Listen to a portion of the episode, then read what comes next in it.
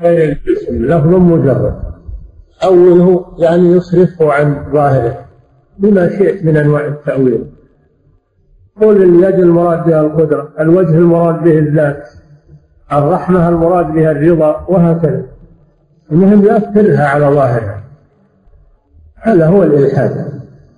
أو قل ما لها معنى أفوضها إلى الله ولا لا ما لها معنى. يفوض أمرها إلى الله ما نأولها. نفوضها إلى الله. هذا تعطيل مذهب المفوضة تعطيل لأنهم عطلوا أولا ثم فوضوا ثانيا.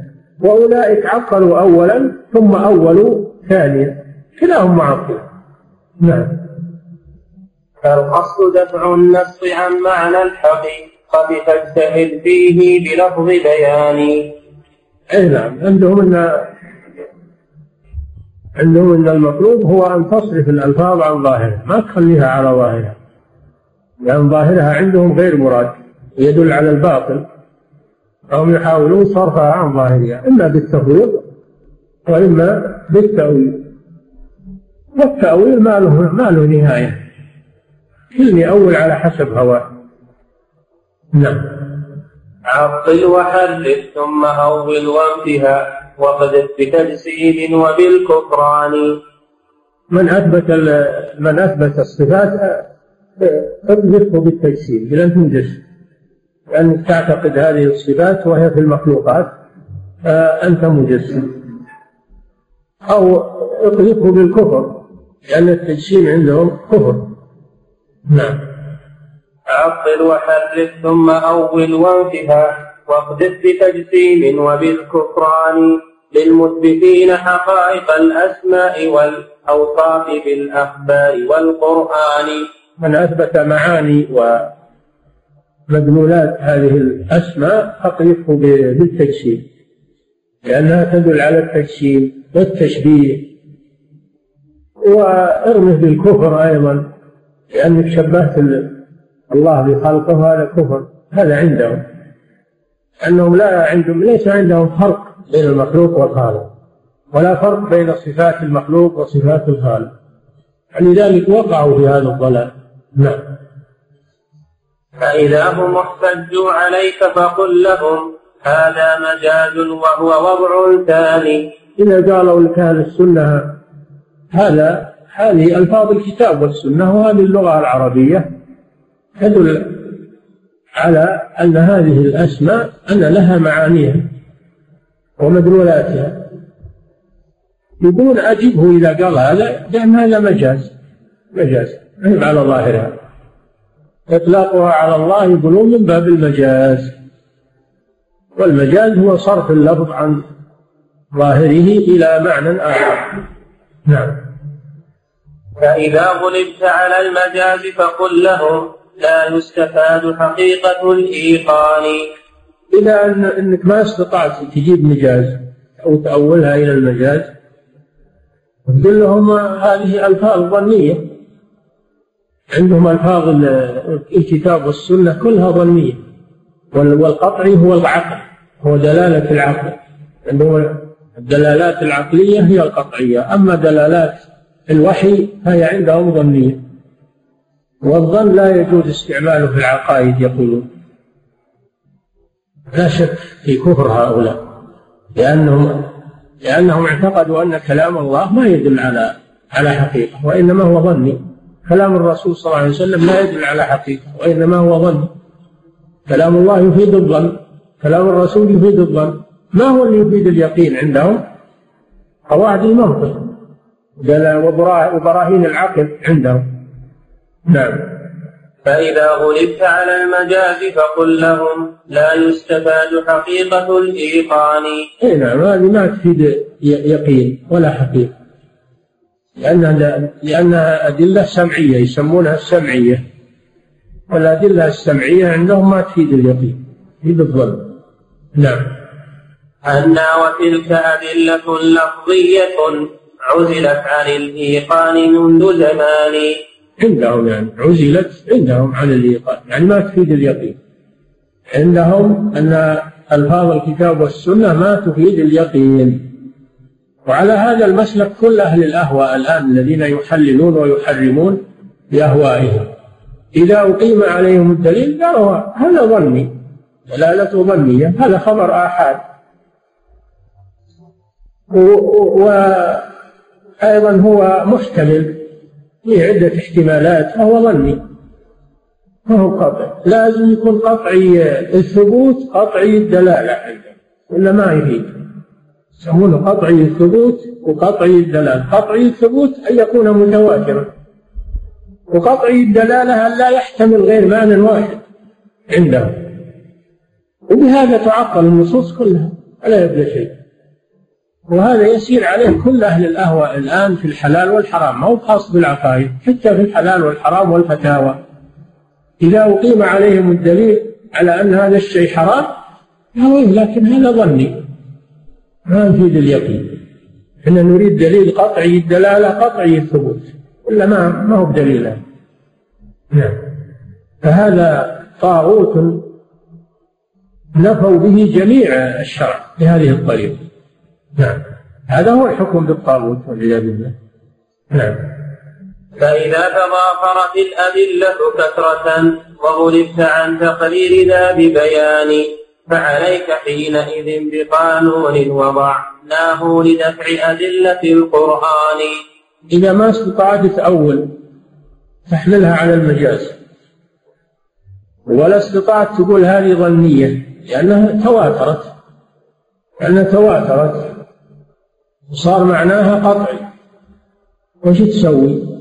تقول إيه هذا صحيح هذا هذا يعني أصبح الآن أصبح الآن ما يحتمل التأويل ولا يحتمل الظني الجا إلى شيء ثالث وقل لا أنا عندي العقل والعقل مقدم على الشك وفي صحيح أنها الآن تفيد اليقين لكنها تتعارض مع العقل. وإذا تعارضت مع العقل فالمقدم العقل عندهم. لأن العقل هو الأصل. وهذا اللي قلنا لكم انهم يعتقدون إن كل أدلة الشرع إنها ظنية. سواء كانت متواترة أو احد سواء كانت نص أو ما هي بنص أو محتملة. كل أدلة الشرع عندهم ما تفيد اليقين. نعم.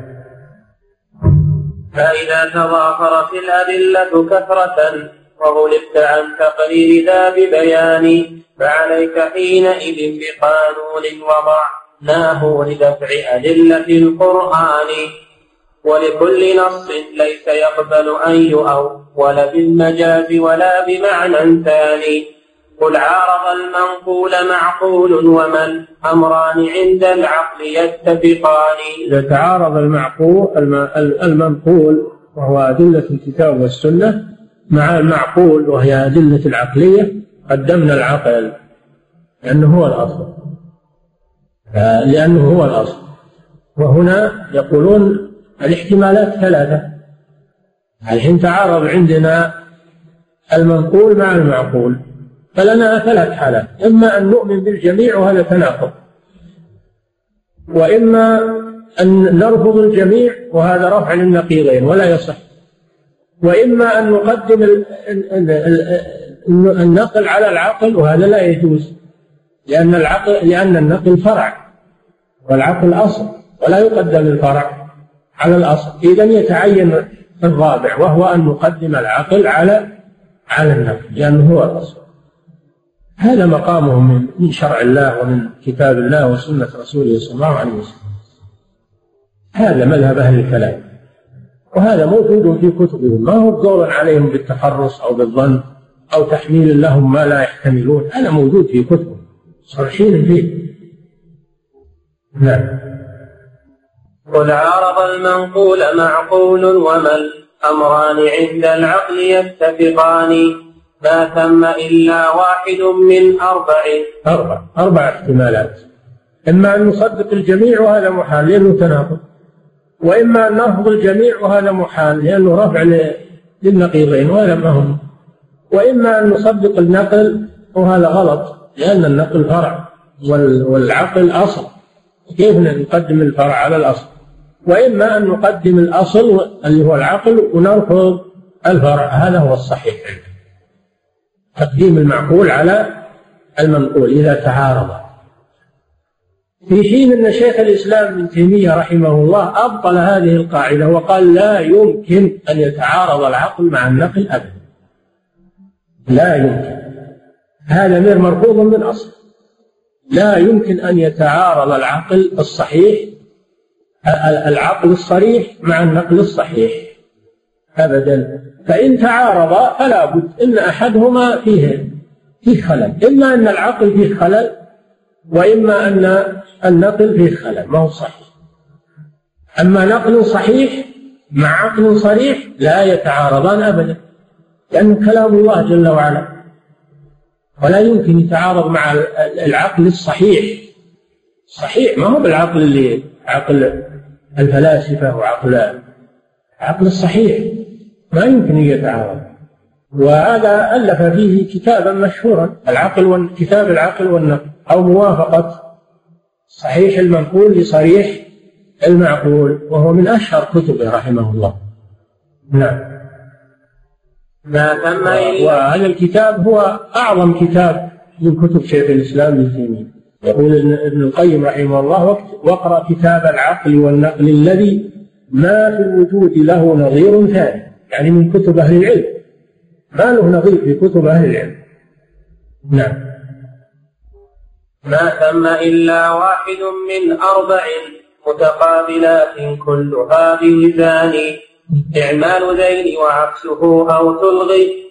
إعمال ذين أو عكسه إعمال ذين يعني تصديق بالجميع وهذا ما هو ممكن لأنه تصديق للنقيضين. نعم. إعمال ذين وعكسه أو تلغي أو عكسه هو نفي نفي النقيضين وهذا ما هو ممكن. نعم. أو تلغي المعقول ما هذا بذي إمكان. هذه الثلاثة ما هي بالإمكان. لا أن تلغي الاثنين ولا أن تصدق الاثنين ولا أن تصدق النقل وتكذب العقل. هذا ما هو ممكن. الثلاثة دي ما هو ممكن. بقي الرابع هو الصحيح عنده نعم. العقل أصل النقل وهو أبوه إن تبطله يبطل فرعه التحتاني شوف جعلوا العقل هو الأصل. وجعلوا كلام الله وكلام رسوله فرعا على العقل. وهل بعد هذا الإلحاد إلحاد؟ والعياذ بالله. نعم. العقل أصل النقل وهو أبوه إن تبطله يبطل فرعه التحتاني تحتاني بعد. قالوا النقل تحت العقل. إذا صار العقل هو الله وهو المشرع. تعالى الله عما يقول. هل له العقل؟ هل له العقل لا يلغى مطلقا؟ العقل يستدل بحدود طاقته. الله جل وعلا يقول أفلا تعقلون؟ لا يعقلون. العقل يستدل به لكن في حدود استطاعته وطاقته. ولا يحمل ما لا يستطيع. ويجعل هو الحكم. فلا نلغي العقل مطلقا كما يقوله الأشاعرة اللي يردون على المعتزلة. ولا نحكم العقل فقط كما تقوله المعتزلة ولكن نعمل بالاثنين كل في حدود ما يليق به. نعمل بالاثنين بالعقل وبالنقل ولا يمكن أن يتعارض عقل صريح مع نقل صحيح أبدا فإن تعارض فلا بد أن أحدهما فيه خلل. إما أن الدليل العقلي غير صحيح وإما أن النقل غير صحيح. سنده فيه مقال أو فيه آه، يعني سنده غير ثابت. نعم. العقل أصل النقل وهو أبوه إن تبطله يبطل فرعه التفتاني نعم. فتعين الإعمال للمعقول والإلغاء للمنقول بالبرهان هذا تقديم تقديم العقل على النقل. عند التعارض بزعمه مع أنه ما فيه تعارض أبدا. هذه قاعدة عظيمة. أنه ما فيه تعارض بين العقل الصريح مع النقل الصحيح. نعم. إعماله يفضي إلى إلغائه فاهجره هجر الترك والنسيان. اهجر النقل كله خذ بالعقل. يقولون لأن العقل هو الذي دلنا على صدق النقل. هو اللي دلنا فهو الأصل في الدلالة. فهم ضخموا العقل حملوه ما لا يستطيع. العقل البشري قاصر أصول البشر. هناك أشياء لا يدركها العقل. بل كذبوا بما لم يحيطوا بعلمه ولما يأتيهم تأويل. العقل ما يدرك أمور الغيب ولا يدرك أمور الآخرة ولا يدرك المستقبل. ما يدرك هذه الأمور. نعم. والله لم نكذب عليهم إننا وهم لدى الرحمن مختصمان يقول رحمه الله لما ذكر هذه المذاهب الباطلة عنهم يقول لم أكذب عليهم. هذا هو كلامه وهذا موجود في كتبه وفي كلامهم ودروسهم. موجود مشهور عنه الكذب ما يجوز حتى العدو ما يجوز تكذب عليه. لاحظوا هذا. الكافر ما يجوز تكذب عليه. الكذب ما يجوز ابدا. وإذا قلتم فاعدلوا. لازم من العدل حتى مع الكفار. ما تكذب عليه ولو كان عدوك ولو كان كافر ولا يجرمنكم شنآن قوم أي بغضهم على ألا تعدلوا. اعدلوا هو أقرب للتقوى. فلا يجوز أن نتكلم في حقهم ولو كانوا أعداءنا ولو كانوا أضدادنا لا يجوز نكذب عليهم. لكن نجيب من كلامهم ومن كتبهم ومن قواعدهم التي هم مسلمون بها يدرسونها من مدارسهم قديما وحديثا.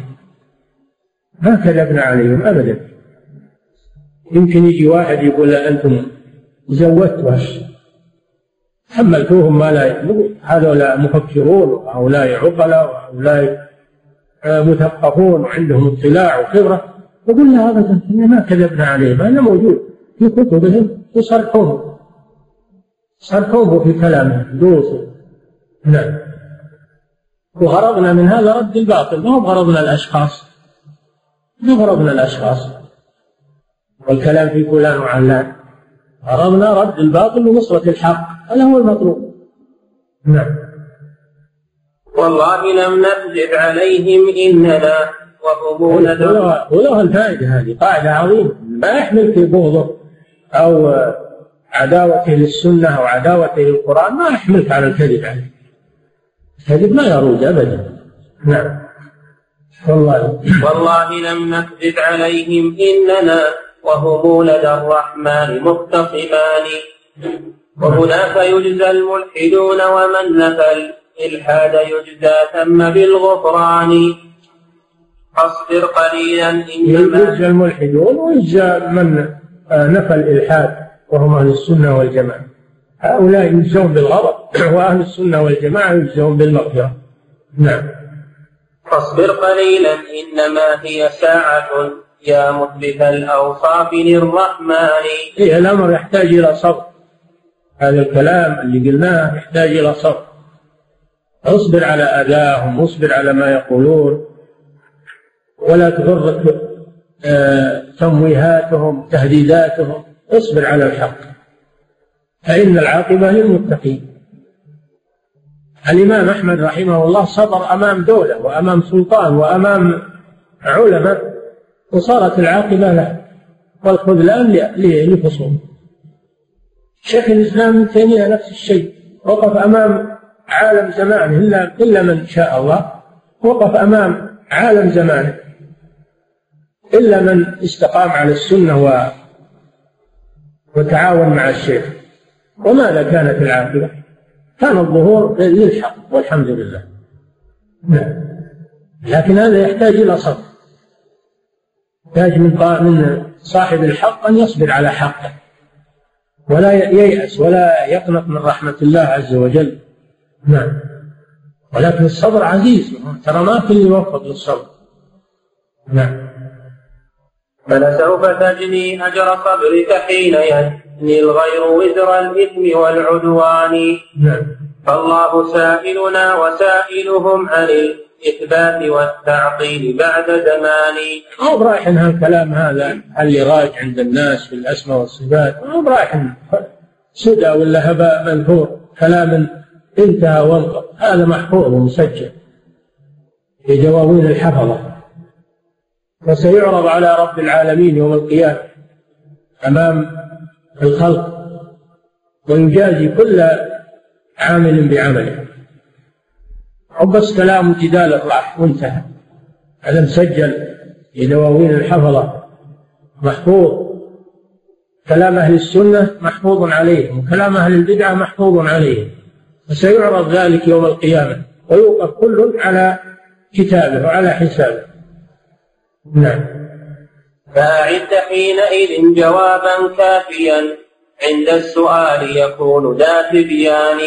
عند عند رب العالمين. إذا وقفت بين يديه أعد الجواب. صحيح. لأنه ما ينفع حين ذاك إلا الصحيح. ما ينفع البهرج والكذب والمكابرة. ما تنفع. ينفع إلا الصدق. هذا يوم ينفع الصادقين صدقهم نعم. هذا وثالثهم فنا فيها ونا فيما تدل عليه بالبهتان. هذا ثالث الملاحدة في أسماء الله وصفاته. اللي ينفيها وينفي ما تدل عليه وهو الذات الإلهية. فيعطلون الكون من الخالق ويقولون بالطبيعة هذه الأشياء نتيجة الطبيعة ولا هناك خالق. وهذا قول الدهرية وقول فرعون وقول الشيوعيين جميع والعلمانيين اليوم والحداثيين كلهم من هذه الفصائل كلهم يعطلون الخلق من خالقه. ويقولون إن الله خرافة. تعالى الله عما يقولون. نعم. يقولون لا إله إلا الطبيعة. نعم. هذا وثالثهم فنا فيها ولا فيما تدل عليه بالبهتان. لا جاحد الرحمن رأسا لم يقر بخالق أبدا ولا رحمن. هذا هو الإلحاد فاحذره لعل الله أن ينجيك من نيران. هو الإلحاد بأقسامه الثلاثة. الإلحاد إلحاد المشركين إلحاد المعطلين للأسماء والصفات إلحاد المعطلين للخلق من خالقه وهو مذهب فرعون وأتباعه. يقول ما علمت لكم من إله غيري. أوقد لي يا هامان على الطين واجعل لي صرحا. لعلي أبلغ لعلي واجعل لي صرحا لعلي أطلع على إله موسى وإني لأظنه من الكاذبين. لعلي أبلغ الأسباب أسباب السماوات فأطلع إلى إله موسى وإني لأظنه كاذبا. هذا تعطيل فرعون. مع القاعدة التي تكررت دائما وهو أن جميع الملاحدة إنما ينكرون هذا في الظاهر وإلا في قرارة أنفسهم وعقولهم يعلمون أن لا يوجد مخلوق بدون خالق ولا يوجد ولا يوجد محدث بدون محدث. أبدا. كل كل كل محدث لا بد له من محدث. كل فعل لا بد له من فاعل. حتى البهائم. البهائم لو ضربتها التفت شوف من هو اللي يضربها؟ تدري ان ان إن الضربة لا أحد ضربها وهي بهيمة. تلتفت تدور من هو اللي ضربها؟ شيء فطر الله عليه الخلق. إن كل شيء كل حادث لا بد له من محدث ولا يمكن هذا إلا المجانين. وهؤلاء عقلاء ما هم مجانين لكن يكابرون في الظاهر فقط. نعم. هذا هو الإلحاد فاحذره لعل الله أن ينجيك من نيران وتفوز بالزلفى لديه وجنة المأوى مع الغفران والرضوان. لا توحشنك غربة بين الورى فالناس كالأموات في الكيان. هي. لا توحشنك غربة بين الورى. لا توحشنك. لا توحشنك غربة لا توحشنك. لا توحشنك غربة بين الورى. لا ما ينكسر ينكسر لو شدت. أو شدت. هذه نون نون للتوكيد الخفيفة نعم. لا توحشنك غربة بين الورى فالناس كالأموات في الحيان إيه. أولا أوصاك بالصبر. انتظار الفرج. وثانيا أوصاك آه ثانيا أخبرت بأنه سيكون ستكون غريب بين الناس. ستكون غريبا بين الناس. اصبر على الغربة. قال صلى الله عليه وسلم بدأ الإسلام غريبا وسيعود غريبا كما بدأ فطوبى للغرباء المتمسك بالحق سيكون غريبا بين الناس خصوصا في آخر الزمان. إذا فشى الجهل وقل العلم فالمتمسك بالحق سيكون غريبا بين الناس. فعليك بالثبات. النبي صلى الله عليه وسلم بعث غريبا في أهل الأرض. أهل الأرض كلهم على الكفر. وهو واحد عليه الصلاة والسلام. ثم آمن معه نفر قليل الواحد والاثنين. ونشأوا يجتمعون في دار الأرقم بن أبي الأرقم. مختفين. غربة غربة. ما على وجه الأرض غير أهل البيت بما فيه من الرسول والمؤمنون وهم قليلون. غربة. أفراد بين العالم كله العرب والعجم. ثم نما الإسلام وظهر وانتشر. ثم بعد ذلك يعود غريبا يعود غريبا. هذا الإسلام اللي انتشر واشتهر وظهر ينزوي ويقل وينحسر حتى يعود غريبا كما بدأ. فأهل ذلك الزمان الذين يدركونه يجب عليهم الصبر كما صبر أهل الغربة الأولى. نعم. أوما علمت بأن أهل السنة الغرباء حقا عند كل زمان؟ هي أهل السنة غرباء. في كل زمان لكن في آخر الزمان أشد. وشو الجهل؟ وقلة العلم. تشتد غربة أهل السنة. نعم. قل لي متى سلم الرسول وصحبه والتابعون لهم على الإحسان؟ إذا كان الرسول صلى الله عليه وسلم ما سلم ولا سلم الصحابة الذين هم أفضل الخلق بعد الرسل من آه، مناوشات الناس ولومهم فكيف تسلم أنت في آخر الزمان؟ وطن نفسك على هذا الشيء. واصبر. نعم. قل لي متى سلم الرسول وصحبه والتابعون لهم على الإحسان من جاهل ومعاند ومنافق ومحارب بالبغي والطغيان. ابتلوا بهذه الأصنام جاهل. ما يعرف الحق. هو منافق. المنافق يعرف الحق. لكنه جحده تكبرا وعنادا. أو عدو عدو لأهل السنة. أنت بين فرق من من الخصوم نعم كل متى. كل متى سلم الرسول وصحبه والتابعون لهم على الإحسان من جاهل ومعاند ومنافق. ومحارب بالبغي والطغيان. جاهل ومعاند الجاهل هذا ما يعرف الحق.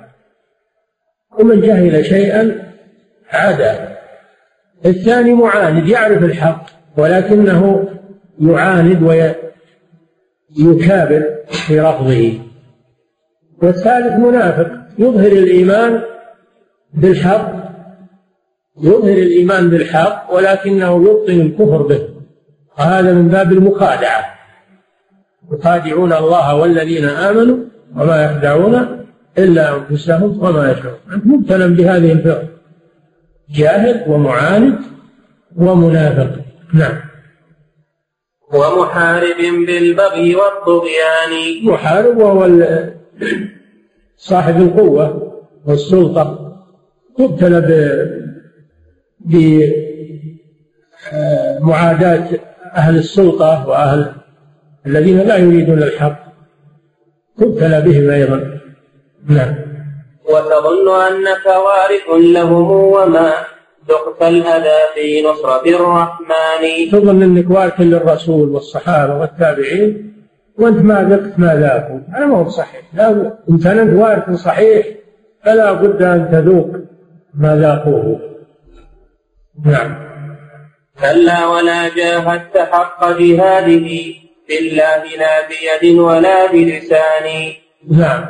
أنت ما تدعي أنك على ما عليه الرسول وأصحابه وأتباعهم ولكنك ما ذقت ما ذاقوه من الأذى هذا ما هو صحيح. ولم تجاهد. أنت مسالم ما تقول شيء مسالم لهم. الرسول صلى الله عليه وسلم وأصحابه السلف الصالح جاهدوا بألسنتهم وجاهدوا بسلاحهم.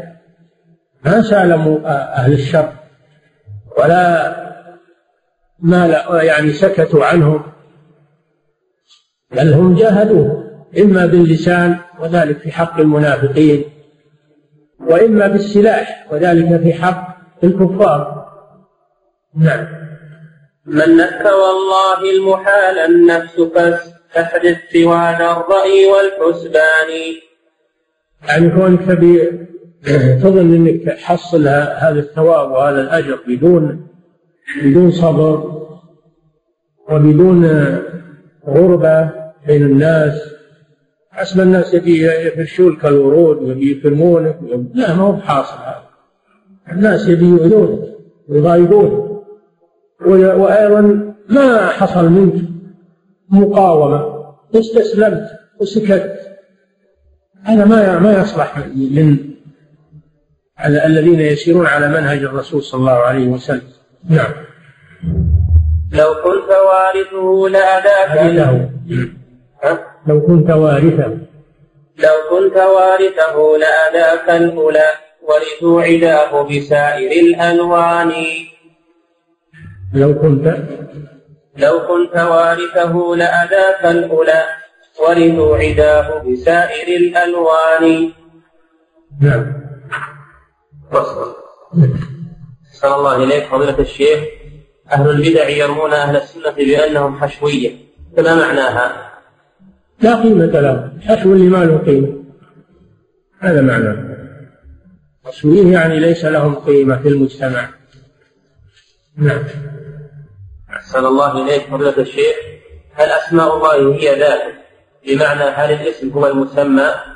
وضحوا لنا وما رأيكم بمن يثير مثل هذه المسائل بين طلبة العلم خصوصا الطلبة الذين هم غير متمكنين. هذه أثارها من قبلهم رسوم أهل السنة. عيد جديدة. هؤلاء ورثة لأولئك ضاقوا هؤلاء ضاقوا من عقيدة أهل السنة والجماعة وراحوا يثيرون قول خصومهم يجب التنبه لهؤلاء.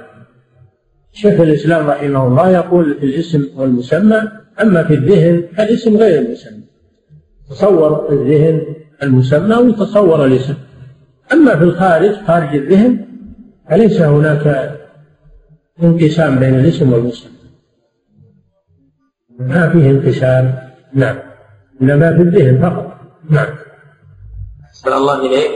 هل من صفات الله الحنان وما حكم قوله يا حنان يا منان في الدعاء؟ حنان ما ثبت. الحنان ما ثبت من أسماء الله. الحديث اللي فيه ضعيف. ما يظهر نعم. فلا يجوز أن يطلق على الله إلا ما صح وثبت. نعم. أحسن الله إليك فضيلة الشيخ. ما رأيكم في من يقول إن النبي صلى الله عليه وسلم معصوم فيما يبلغه عن ربه فيقيد العصمة فيما يبلغه عن ربه؟ نعم. لا شك أنه صلى الله عليه وسلم معصوم فيما يبلغه عن ربه. وما ينطق عن الهوى إن هو إلا وحي يوحى وكذلك هو معصوم من كبائر الذنوب. كل الأنبياء عليهم الصلاة والسلام معصومون من كبائر الذنوب. وإنما الخلاف في الصغائر فقط. ولكن ما ذكر الله عنهم ذنبا إلا وذكر التوبة. ذكر توبتهم منه. فهم معصومون من الصغائر في النهاية. وأما في البداية فقد يقع منهم شيء. لكن معصومون من الاستمرار عليها. معصومون منها نهاية لا بداية. أما الكبائر فهم معصومون منها بداية ونهاية. كذلك ما يبلغون عن الله معصومون. مطلق. نعم. ولا داعي لإثارة. هذا قلنا لكم إثارة هذه المسائل عند الناس وعند الطلاب المبتدئين. هذه يقصد بها البلبلة. وش الداعي لإثارة العصمة؟ نعم. أحسن الله إليك. قول الناظم رحمه الله فعليهم غضب من الرحمن. ذكرتم في أول الدرس أنه عند الدعاء عند الدعاء يؤتى بالصفة المناسبة وهنا في شطر البيت لا يتناسبان. فما رأيكم في هذا؟ غضب من الرحمن من الله جل وعلا. الرحمن هو الله جل وعلا. يعني غضب من الله. قال الله جل وعلا فعليه غضب من الله. من الله. الرحمن هو الله جل وعلا. نعم. ما هو بيقول يا رحمن اغضب عليهم. قلنا في الدعاء. ما قال يا رحمن اغضب عليهم. نعم. غضب من الرحمن غضب من الله غضب من العزيز. نعم لا بأس. نعم. أحسن الله إليك. من وقع في الإلحاد, في الإلحاد من القسمين الأخيرين هل يبدعون بأعيانهم في هذا العصر؟ نعم. من وقع في البدعة يبدع بعينه. من قال البدعة أو فعلها فإنه يقال إنه مبتدع بعينه ولا وش الفائدة؟ يفعل البدعة ولا ينطق بها أو يكتبها ويروجها ونقول هو مبتدع أو صحيح. نعم. أحسن الله إليك. هل الخوارج كفار استنباطا من قوله صلى الله عليه وسلم ثم لا يعود إليه؟ هل تكفير الخوارج في خلاف بين أهل السنة.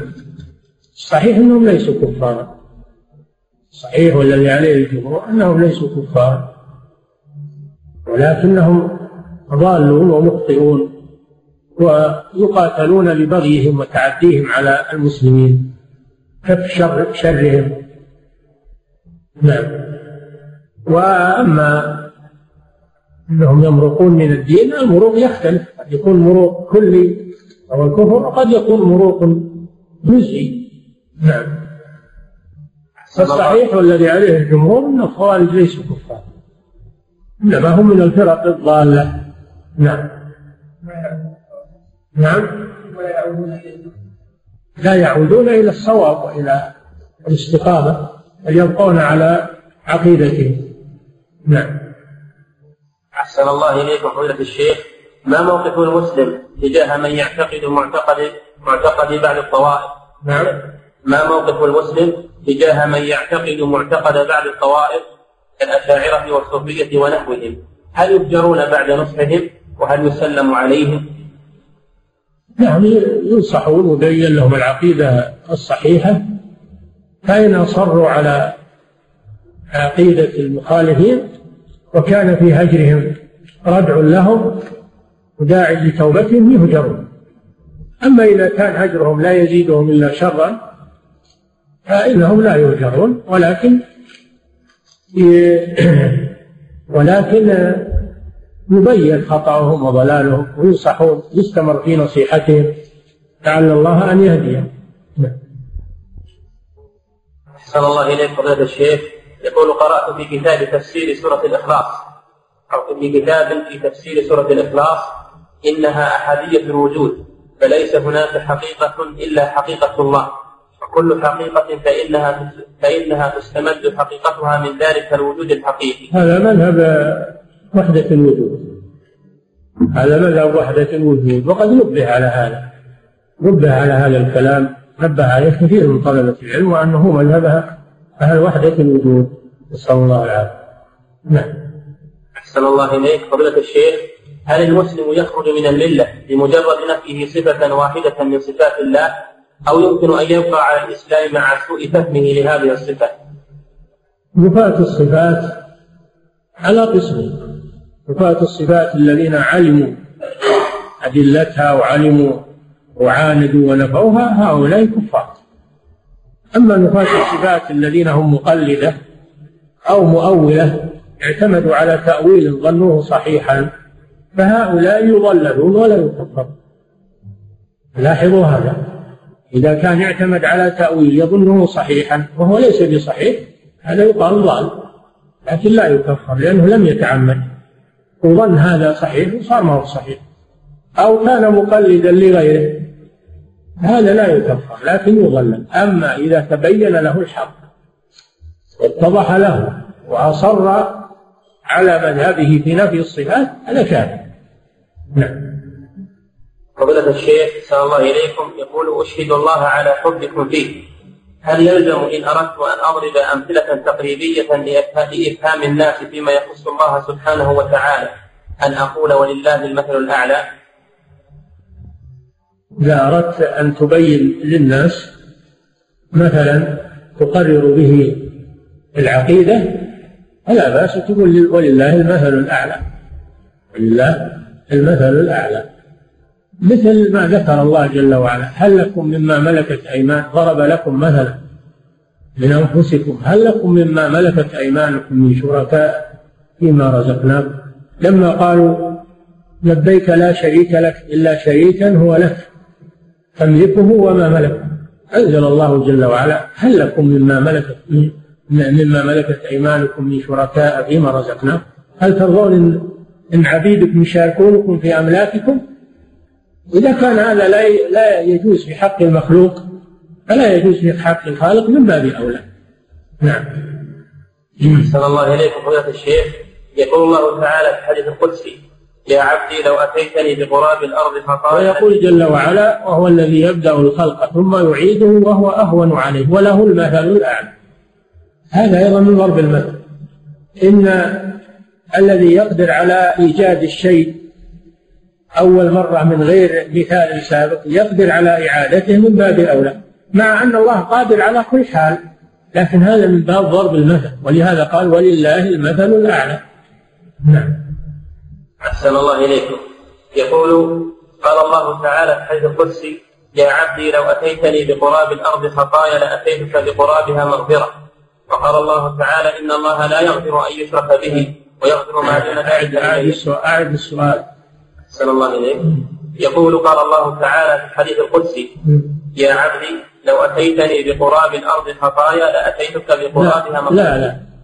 أو أتيتني بقراب الأرض خطايا ثم لقيتني لا تشرك بي شيء حذفت المقصود. نعم. أي فإذا لقي العبد ربه بالخطايا التي دون الشرك فهي تحت المشيئة. إن الله لا يغفر أن يشرك به ويغفر ما دون ذلك لمن يشاء. هذا معنى الحديث. نعم. سلام الله إليكم. يقول ورد في الحديث أن كل زمان شر ممن قبله أو مما قبله. وورد أن في كل قرن من هذه الأمة مجدد. فهل معنى ذلك أن المجدد يكون في مكانه دون مكان وأن الشر يكثر عموما في بقية الأمكنة؟ ما في تعارض بين قول الرسول صلى الله عليه وسلم لا يأتي زمان إلا والذي بعده شر منه. لا يتعارض مع قوله إن الله يبعث في هذه الأمة من يجدد لها دينها فهو مع وجود هذا الشر يوجد الخير والحمد لله ويوجد المجدد. نعم. صلى الله إليك فضيلة الشيخ ما حكم من قال إن السحر قد رفع في عهد رسول الله صلى الله عليه وسلم؟ وش يدري؟ وش يدري إنه رفع في عهد وهالسحرة الموجودين وهالبلاء الموجود؟ هذا يعني نزل عقب ما رفع. ولا يقول هذا ما هو سحر؟ مشكلة هذه. نعم. السحر لا يزال موجود هذا من باب الابتلاء والامتحان للخلق. نعم. أحسن الله إليكم فضيلة الشيخ هل في الاستشفاء بالقرآن هل الأفضل كتابة كتابة الآية بماء الورد ثم شربها أم قراءة الآية على الماء وشربها؟ الأفضل القراءة على المصحف مباشرة. هذا هو الأفضل. هذا جائز. الرسول صلى الله عليه وسلم قرأ في ماء وسقي للمريض. كما في سنن أبي داود وغيره.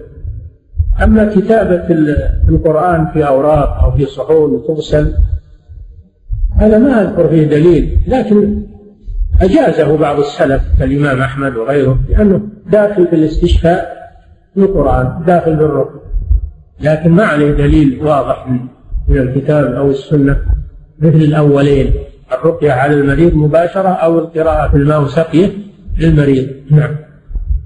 أحسن الله إليكم. هل الذهاب للذي يعالج بالقرآن للاطمئنان على النفس من الأمراض هل في ذلك محذور؟ اللي معافيه الله لا يذهب. عافية الله يحمد الله ولا يذهب. يصير عنده شكوك.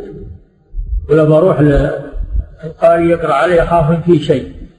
وربما يتسلط عليه الشيطان ويتركه اللي معافيه الله وكونه هو يقرأ على نفسه ويورد في الصباح والمساء ويكثر من ذكر الله أحسن له من أنه يروح الواحد. يقول له اقرأ علي بالله هذا من مسألة الناس. الذين لا يسترقون. صفة السبعين الألف لا يسترقون. يعني لا يطلبون الرقية من غيرهم. لأن هذا فيه ذلة للناس وفيه سؤال للناس. نعم. أحسن الله إليك فضيلة الشيخ. لي ولد لي والد لا يقوم بالصلاة على ما ينبغي. ويكثر اللغط بالكلام ويكون في هذا الكلام غيبة وكذب وغيره. وإذا أردت نصحه غضب وأنا أخشى من غضب الله علي وجهونا مشكورين. لا لا يمنعك غضبه من أن تنصح. لا يمنعك غضبه من أن تنصحه انصحه ولو كان يغضب. لأن النصيحة واجبة والوالد أولى بنصيحتك. ولا تيأس من هدايته نعم. ولكن لا تثير إثارة. عليك بالحكمة والملاطفة شيئا فشيئا. إبراهيم عليه السلام أبوه مشرك. يعبد الأصنام يقول يا أبت يا أبت لا تعبد لا تعبد الشيطان. يا أبت إني قد جاءني من العلم ما لم يأتي. يا أبت إني أخاف أن يمسك عذاب من من الرحمن فتكون للشيطان ولي. تلطف معه. يقول يا أبت أن تلطف مع والدك. بالأسلوب الحسن والوقت المناسب.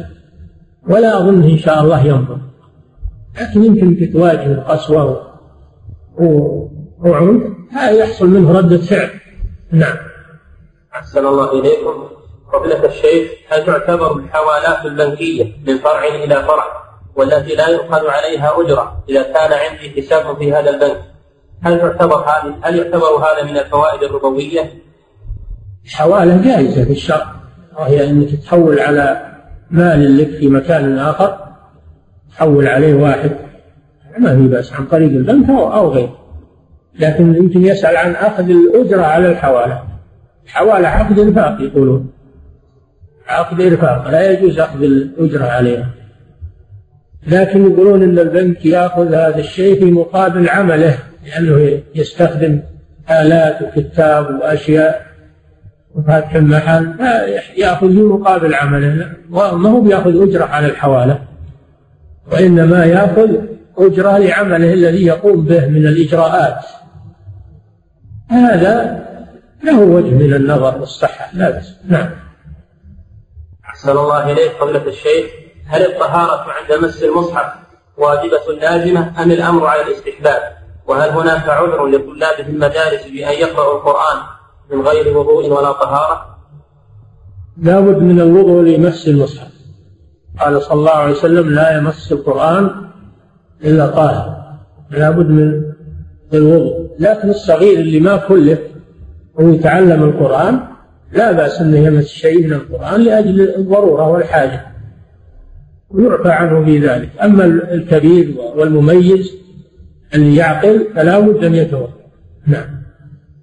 أحسن الله إليكم فضيلة الشيخ. ما حكم الهدي في العمرة؟ وهل يشترط سوقه؟ وما الدليل على ذلك؟ الهدي يجوز في العمرة وفي الحج. النبي صلى الله عليه وسلم ساق الهدي في العمرة في عمرة الحديبية وساق الهدي في حجة الوداع. يجوز سوق الهدي في الحل في العمرة وسوقه في الحج. هذا هدي التطوع. وهو قربة إلى الله سبحانه وتعالى. إن فعله فحسن وإن لم يفعله فلا حرج عليه. إلا الهدي الواجب هدي التمتع أو هدي القران هذا هدي واجب. من نسك نعم. أحسن الله إليكم فضيلة الشيخ أنا شاب كنت ممن يحرص على الدروس والمحاضرات لكن أصابني شيء من الفتور فما هي نصيحتكم لي ولأمثالي؟ استعين بالله وتترك الفتور والكسل والله يعينك. نعم. أحسن الله إليك. فضيلة الشيخ رجل لا يعترف بأن الشيطان يتلبس بالإنس ولا يقتنع بذلك. هل يقدح ذلك في معتقده؟ أصبر لمن يجيها الجن ويصدق بعد ذلك. هذا عابث هذا اللي يقول هالكلام هذا عابث. تلبس الجن بالإنس هذا شيء مشاهد ومعروف. ودل عليه القرآن الذي يتخبطه الشيطان من المس مس سماه مسا. هذا من الجهل الحقيقة ومن التأثر بقول الفلاسفة وجهلة الأطباء هذا غلط غلط كبير. وأخشى أن هذا يصاب بالجنون وبعدين يصدق. نعم. أحسن الله إليكم فضيلة الشيخ ما رأيكم فيما يقوم به بعض الأئمة من قيامهم بعد صلاة العصر غالبا بقراءة الأحاديث أو موعظة أو غيرها؟ وما في ذلك من تشويش على المسبوقين في الصلاة؟ هذا طيب قراءة اسماع إسماع الجماعة كلام الرسول صلى الله عليه وسلم كلام الله جل وعلا وكلام الرسول. بعد صلاة العصر وقبل صلاة العشاء. هذا شيء طيب. أن يتركون الناس ما ما يوعظون ولا ينصحون. يخلون على جهلهم. ما ما يصلح. لازم من أنهم يوعظون وينصحون. وأنسب شيء بعد صلاة العصر وبعد وبعد الأذان لصلاة العشاء. فيما بين الآذان والاقامه هذا اعتاده الناس يسهل عليهم. اعتادوه سهل عليهم. عادة طيبة والنبي صلى الله عليه وسلم كان كان يتخول الناس بالموعظة. وعظهم بعد صلاة الفجر كما في حديث العرباض بن ساري. وعظنا رسول الله صلى الله عليه وسلم موعظة بليغة. قالوا هذا بعد صلاة الفجر. بعد صلاة الفجر. وين يعظهم يلحقهم بالأسواق. جمعهم الله في المسجد وفي بيت من بيوته أناسب أنه يعظهم. نعم. السلام عليكم. دعوة عن فيه تشويش على المسبوقين. في السنة المسبوقين هم اللي مخطئين ولا هم يتأخرون هم اللي مخطئين. يحرم الجماعة من الفائدة علشان واحد كسلان. مسبوق. نعم. أحسن الله إليكم فضيلة الشيخ. إذا حج المملوك ثم أعتق هل تكفيه عن حجة الإسلام أم يلزمه الحج مرة أخرى؟ لا يلزمه الحج لأنه حجته رقيق ما تجزي الصغير كذلك إذا حج وبلغ يلزم الحج مرة ثانية. الحجة نافلة وحجة العبد نافلة. والنافلة ما تجزي عن الفريضة. نعم. نعم. كيف؟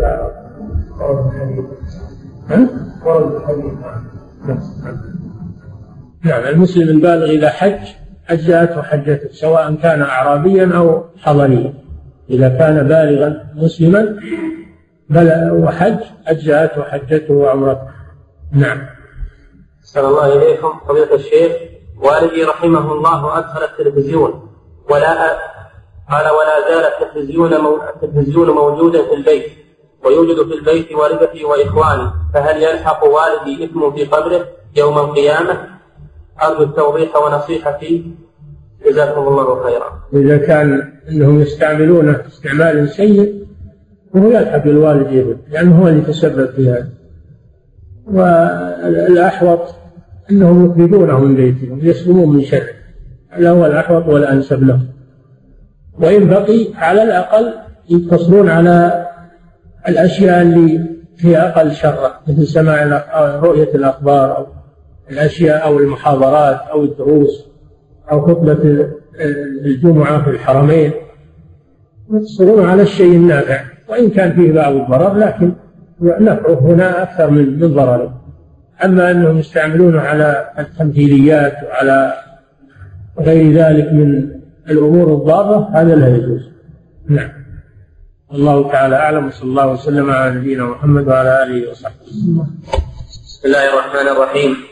الحمد لله رب العالمين وصلى الله وسلم على عبده ورسوله نبينا محمد وعلى آله وأصحابه أجمعين. قال الناظم رحمه الله تعالى فصل في النوع الثاني من نوعي توحيد الأنبياء والمرسلين المخالف لتوحيد المعطلين والمشركين. بسم الله الرحمن الرحيم. الحمد لله رب العالمين. صلى الله وسلم على نبينا محمد وعلى آله وصحبه.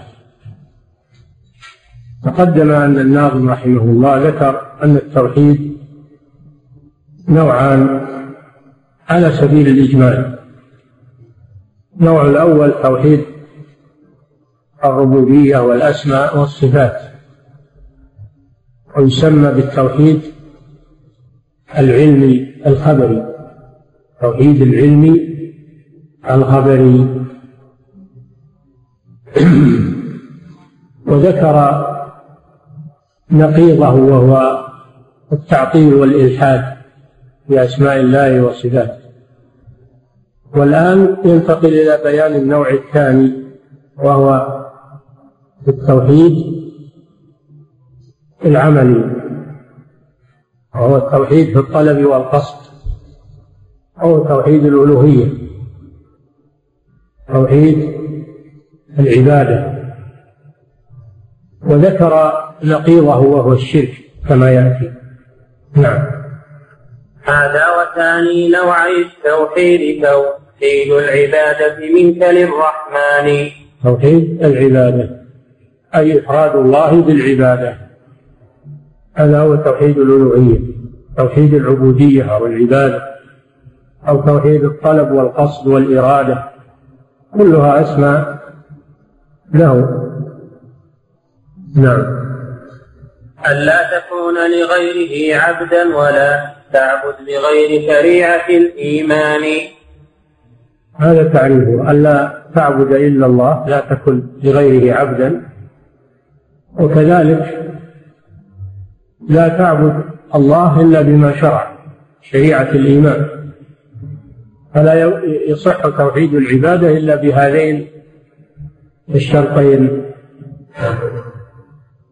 الإخلاص لله عز وجل في النية والقصد والمتابعة للرسول صلى الله عليه وسلم في العمل والاقتداء لأن الذي بين لنا العبادة هو الرسول صلى الله عليه وسلم. فلا يجوز أن نعبد الله إلا بما شرع. ونترك ما ما لم يشرعه. وإن استحسنه من استحسنه. وقالوا بدعة حسنة. فقل لا ليس في الإسلام بدعة حسنة. بل البدع كلها مرفوضة وكلها مردودة. قال صلى الله عليه وسلم فإن كل بدعة ضلالة. فإن كل محدثة بدعة وكل بدعة ضلالة وكل ضلالة في النار. قال صلى الله عليه وسلم من أحدث في أمرنا هذا ما ليس منه فهو رد. فلا بد في توحيد العبادة من هذين الشرطين. وإن شئت قل هذين الركنين. الإخلاص لله وهذا فيه نفي الشرك والمتابعة للرسول صلى الله عليه وسلم وهذا فيه نفي البدع والخرافات والمحدثات. التي ما أنزل الله بها من سلطان. ويدل لذلك قوله تعالى من بلى من أسلم وجهه لله وهو محسن. أسلم وجهه أي قصده ونيته لله. وهذا معناه إخلاص العبادة له سبحانه وتعالى.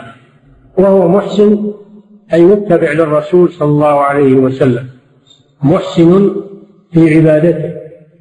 بأن يكون مقتديا بالنبي صلى الله عليه وسلم والإحسان إتقان الشيء وإتمامه على المطلوب هذا هو الإحسان.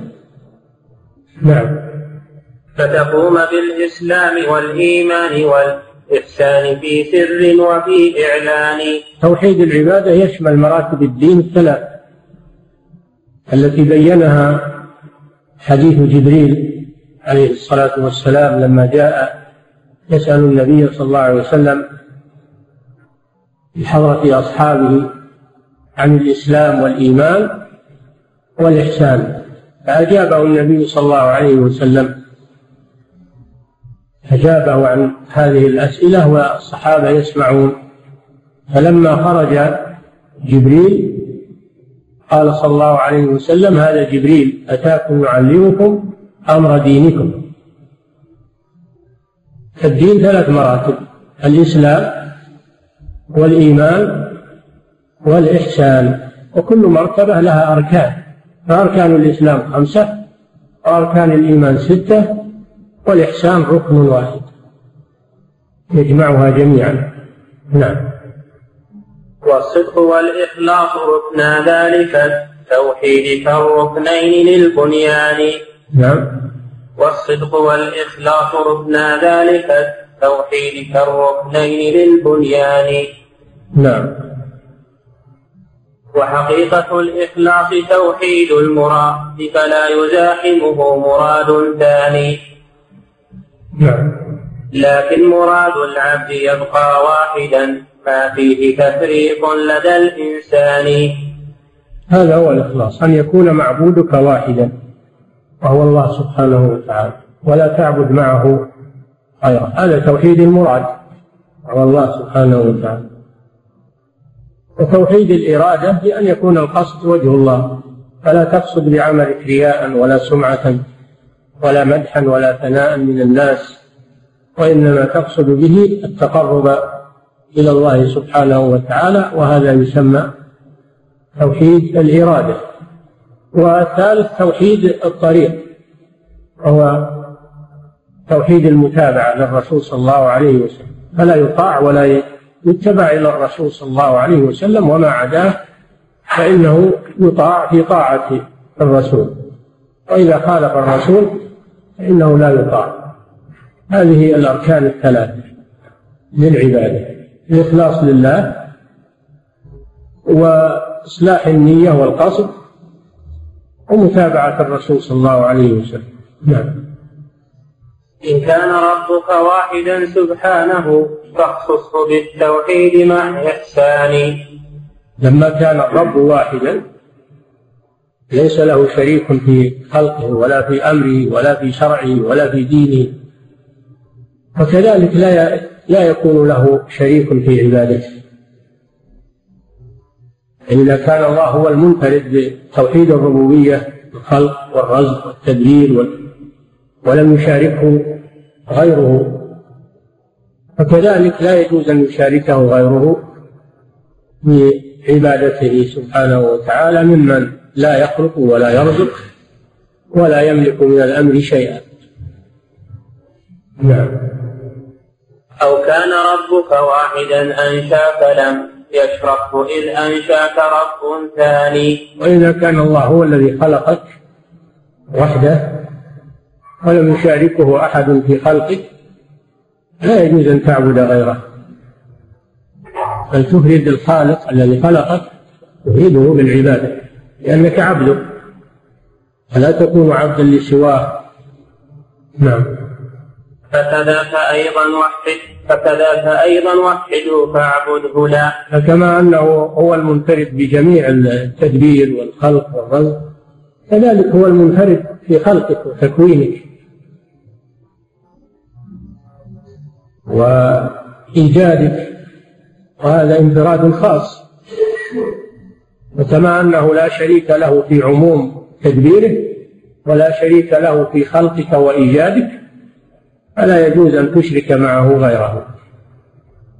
هذا من الاستدلال بتوحيد الربوبية على وجوب توحيد الألوهية. نعم. فكذاك أيضا وحده فاعبده لا تعبد سواه يا أخ العرفان. والصدق توحيد الإرادة وهو بذل الجهد لا كسلا ولا متواني. لا كسلا والصدق توحيد الإرادة وهو بذل الجهد لا كسلا ولا متواني.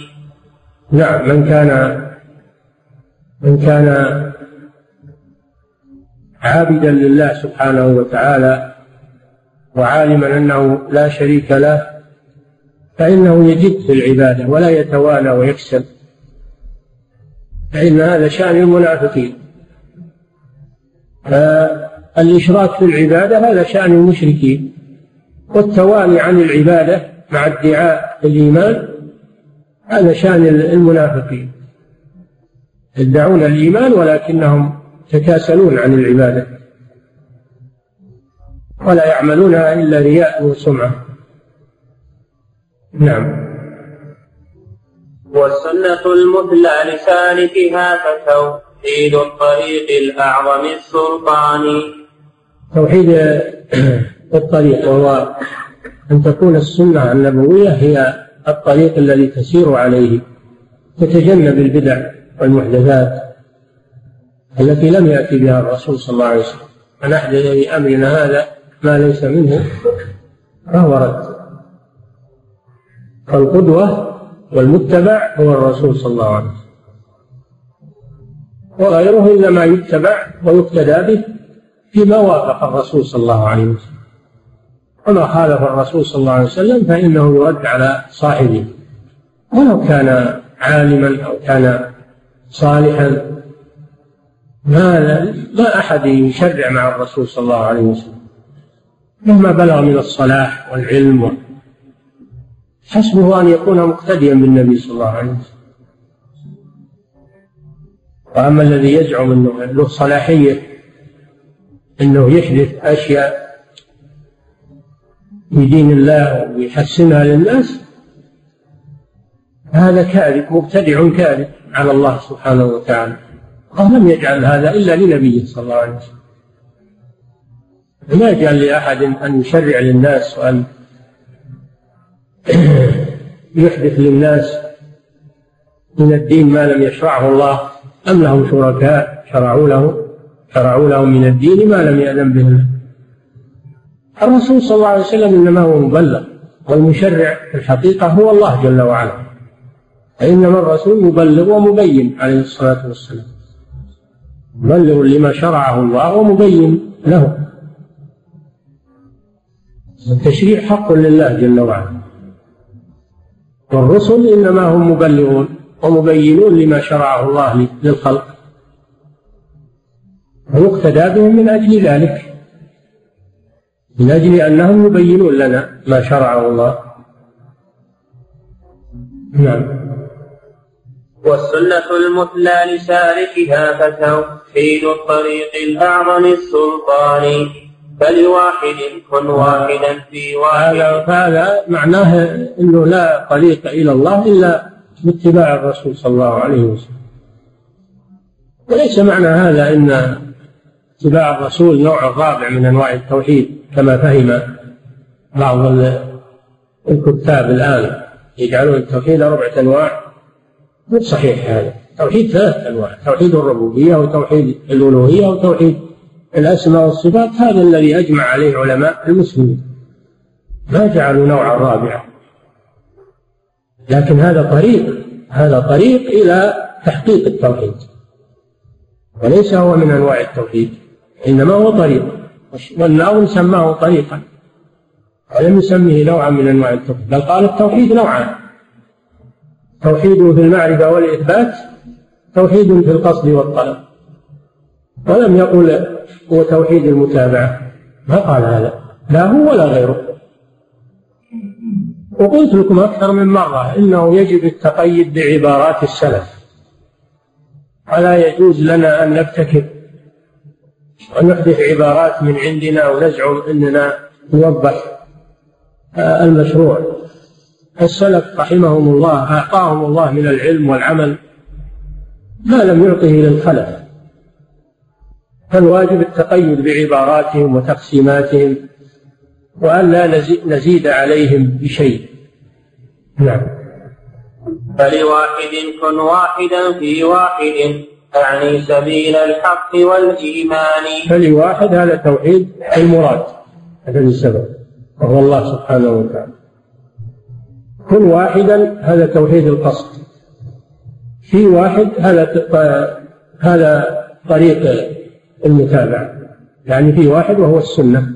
يعني في طريق واحد. نعم. هذا إجمال هذا إجمال لما سبق.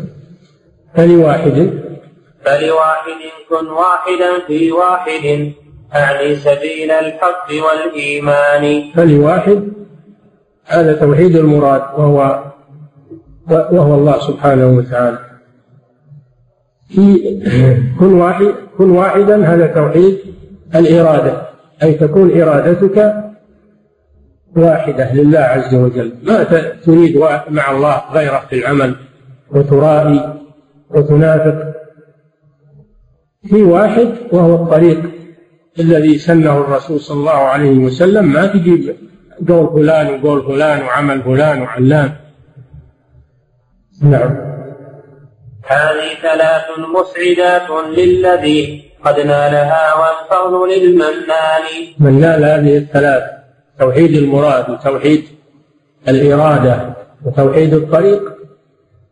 نال السعادة كلها. ومن أقل بشيء منها فإنه لا يحصل على المطلوب. نعم. فإذا هي اجتمعت لنفس حرة بلغت من العلياء كل مكان. حرة يعني يعني سليمة من التقليد الأعمى. هذا معنى الحرية. معنى الحرية السلامة من التقليد الأعمى. والاتباع لشرع الله سبحانه وتعالى. هذه هي الحرية الصحيحة. العبد حر بمعنى أنه ليس لأحد عليه رق إلا الله جل وعلا. ليس لأحد على عليك رق إلا لله عز وجل. أنت عبد لله. لست عبدا لفلان ولا لعلان. هذا معنى. ما هو الحرية أنك تفعل ما تشاء وتقول ما تشاء؟ كما يقول بعض الكتاب الآن والمثقفين وهم الناس أحرار في أفكارهم حرية التفكير حرية الأديان هذا كفر وضلال والعياذ بالله. الله ما أعطانا هذا. بل, بل أمرنا باتباع ما شرعه لنا. وهذا هو الحرية الصحيحة. أن تحررك تحررك من العبودية لغير الله سبحانه وتعالى. أنت عبد لله ولست عبدا لغيره. هل يحررك من عبودية الخلق؟ وتكون عبدا لله وحده. هذه هي الحرية الصحيحة. اتباع الرسل هذا هو الحرية الصحيحة اللي تخلصك من عبودية المخلوقين. هذه هي الحرية. ليست الحرية أنك حر تسوي ما تشاء وتقول ما تشاء ويسمونها حرية التفكير ولا يجوز مصادرة الأفكار يقولون ولا. كله كلام باطل. هذا ضلال وتخبط والعياذ بالله. نعم. ليس لنا إلا طريق واحد هو ما جاء به الرسول صلى الله عليه وسلم وما وافقه من الأقوال و... والاعتقادات على الرأس والعين وما خالفه فهو مرفوض بل هذا هو الرق كونك تتبع فلان وفلان وعلان هذا هو الرق قال يقول الناظم في بيت الله في هذه النونية يقول هربوا من الرق الذي خلقوا له وبلوا برق النفس والشيطان. فمن لم يكن عبدا لله كان عبدا لغيره ولا بد أنت عبد على كل حال. فإما أن تكون عبدا لله الذي خلقك وهذا هو الحرية الصحيحة. وإما أن تكون عبدا للهوى وعبدا للشيطان وعبدا للشهوات. هذا هو. ما, ما فيه إلا هذا. أنت عبد على كل حال. إما لله وإما لغيره. نعم. لله قلب شامها فيك البروق من الخيام فهم بالطيران. أي يمدح القلب الذي تعلق بهذه المقاصد الثلاث. ورأى هذا البرق لأن من عادة العرب أنهم إذا رأوا البرق في جهة يذهبون إليها لأجل لأجل الرعي. يسمونها الانتجاع انتجاع البروق. يناظرون البروق بالليل ثم يرحلون إليها من أجل الرعي. كذلك العابد ينتجع الحق. إذا إذا لاح له الحق في أي مكان ومع أي شخص شمر إليه وقصده. مثل ما تفعل البوادي في انتجاع البروق واتباع المراعي. فالمسلم يبحث عن الحق أينما كان وأين لاح له وبرق له.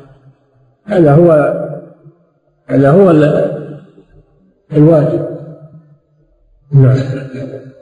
لولا التعلل بالرجاء تصدعت أعثاره كتصدع البنيان.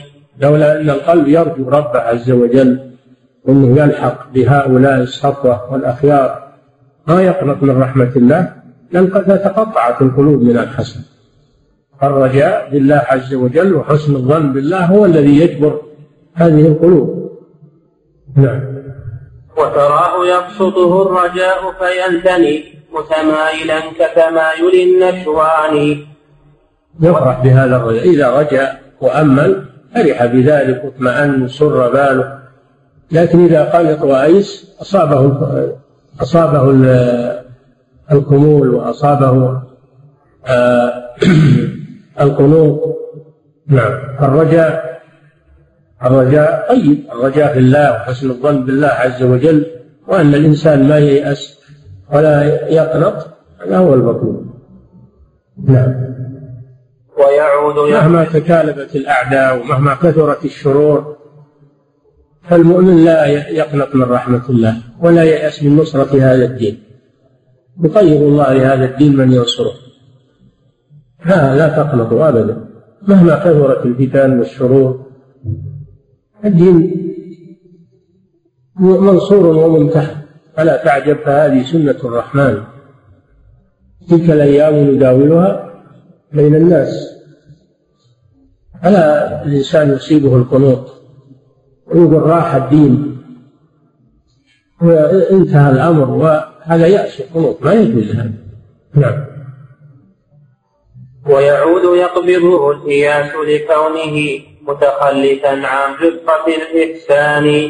إذا تذكر تخلفه وأنه وأنه الآن في القرن الخامس عشر والفتن تزيد يصيبه الخوف. الإنسان يجمع بين الخوف والرجاء. يصيبه الخوف من هذه الفتن التصيبه ما يأمن منها ما يرجو فقط ولا يخاف فقط وإنما يجمع بين الخوف والرجاء.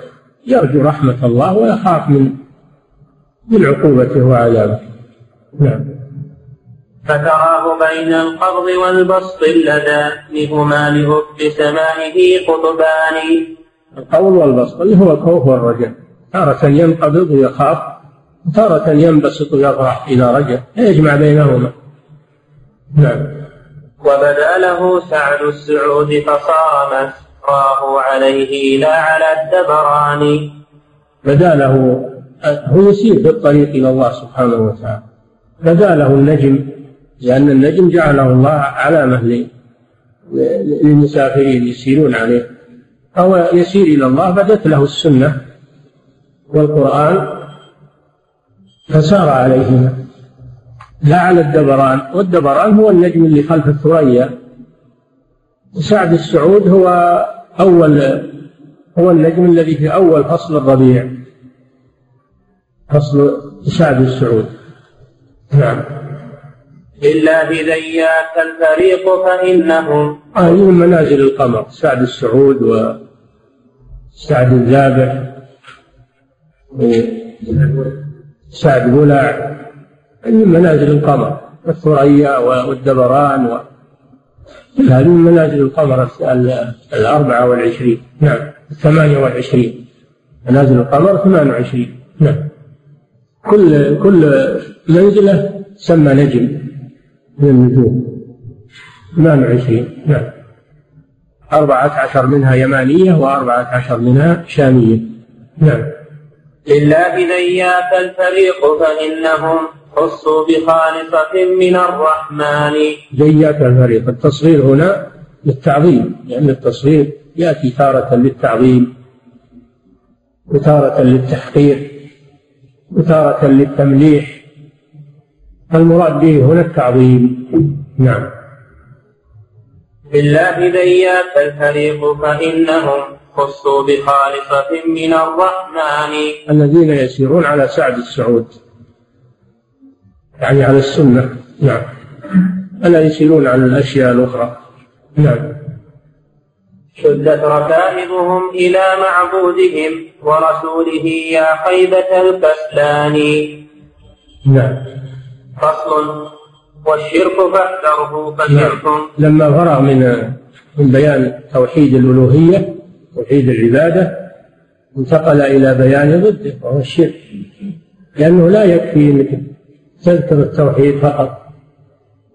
بل لا بد أن تذكر ضده وما يناقضه أو ينقصه وهو الشرك. من أجل أن أن يحذر المسلم.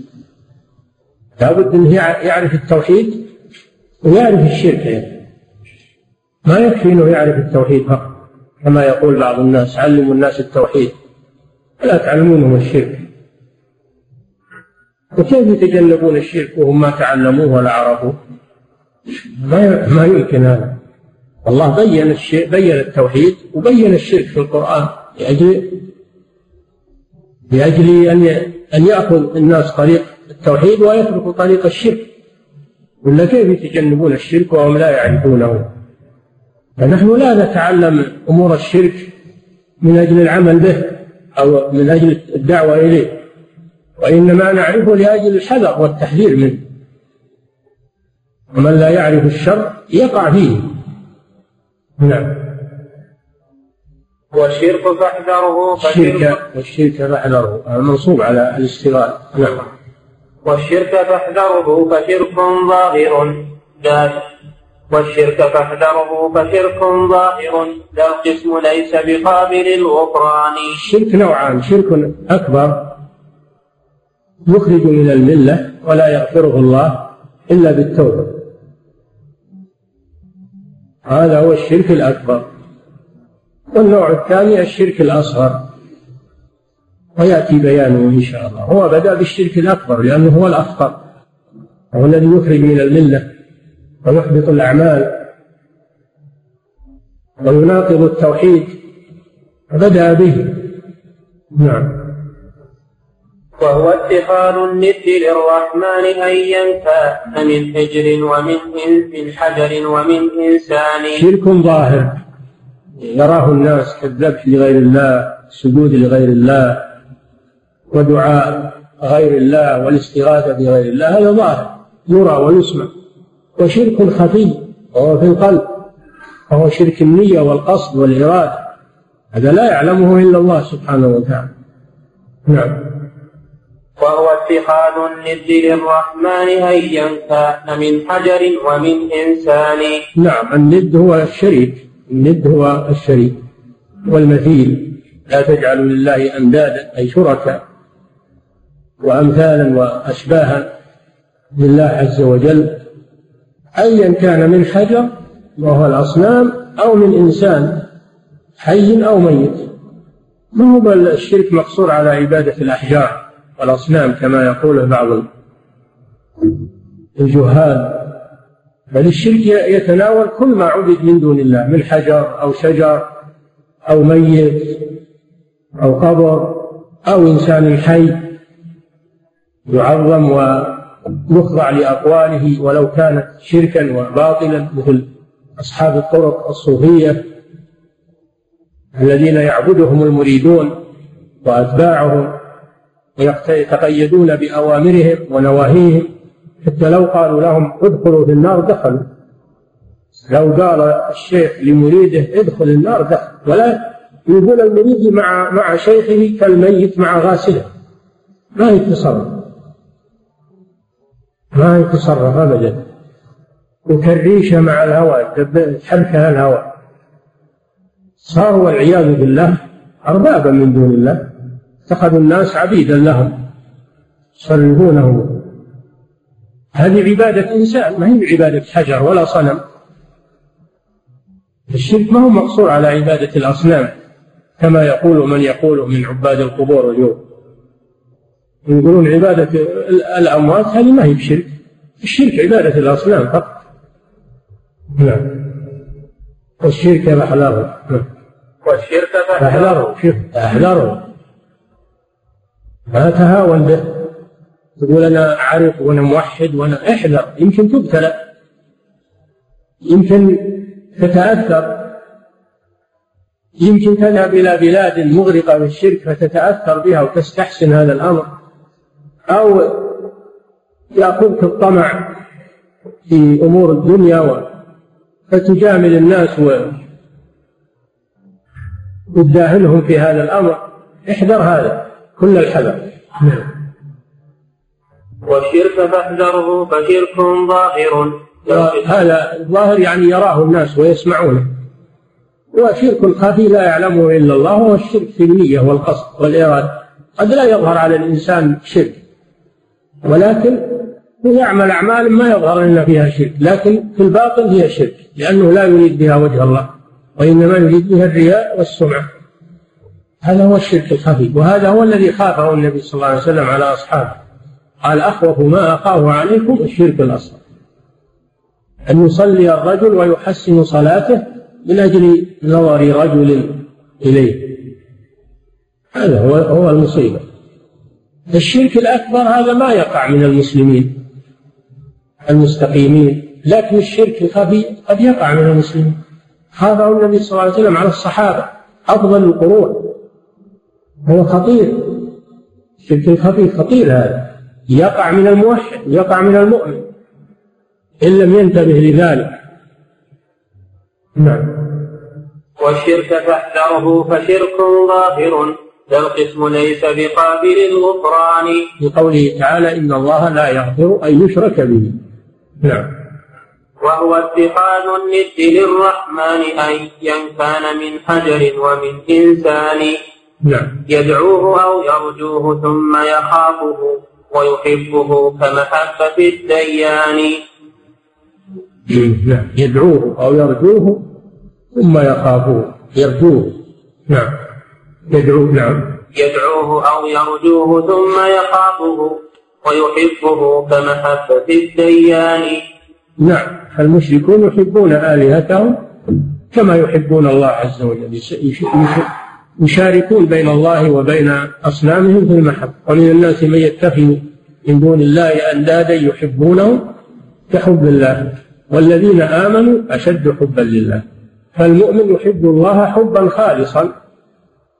والمشرك يحب الله حبا مشتركا. يحب الله ويحب الأصنام والمعبودات من دون الله. هذا مشرك. مشرك في المحبة. وهذا شرك أكبر. وهو شرك العبادة. لا تكون إلا لله. المحبة لا تكون إلا لله. نعم. بالله في حق ولا ولا والله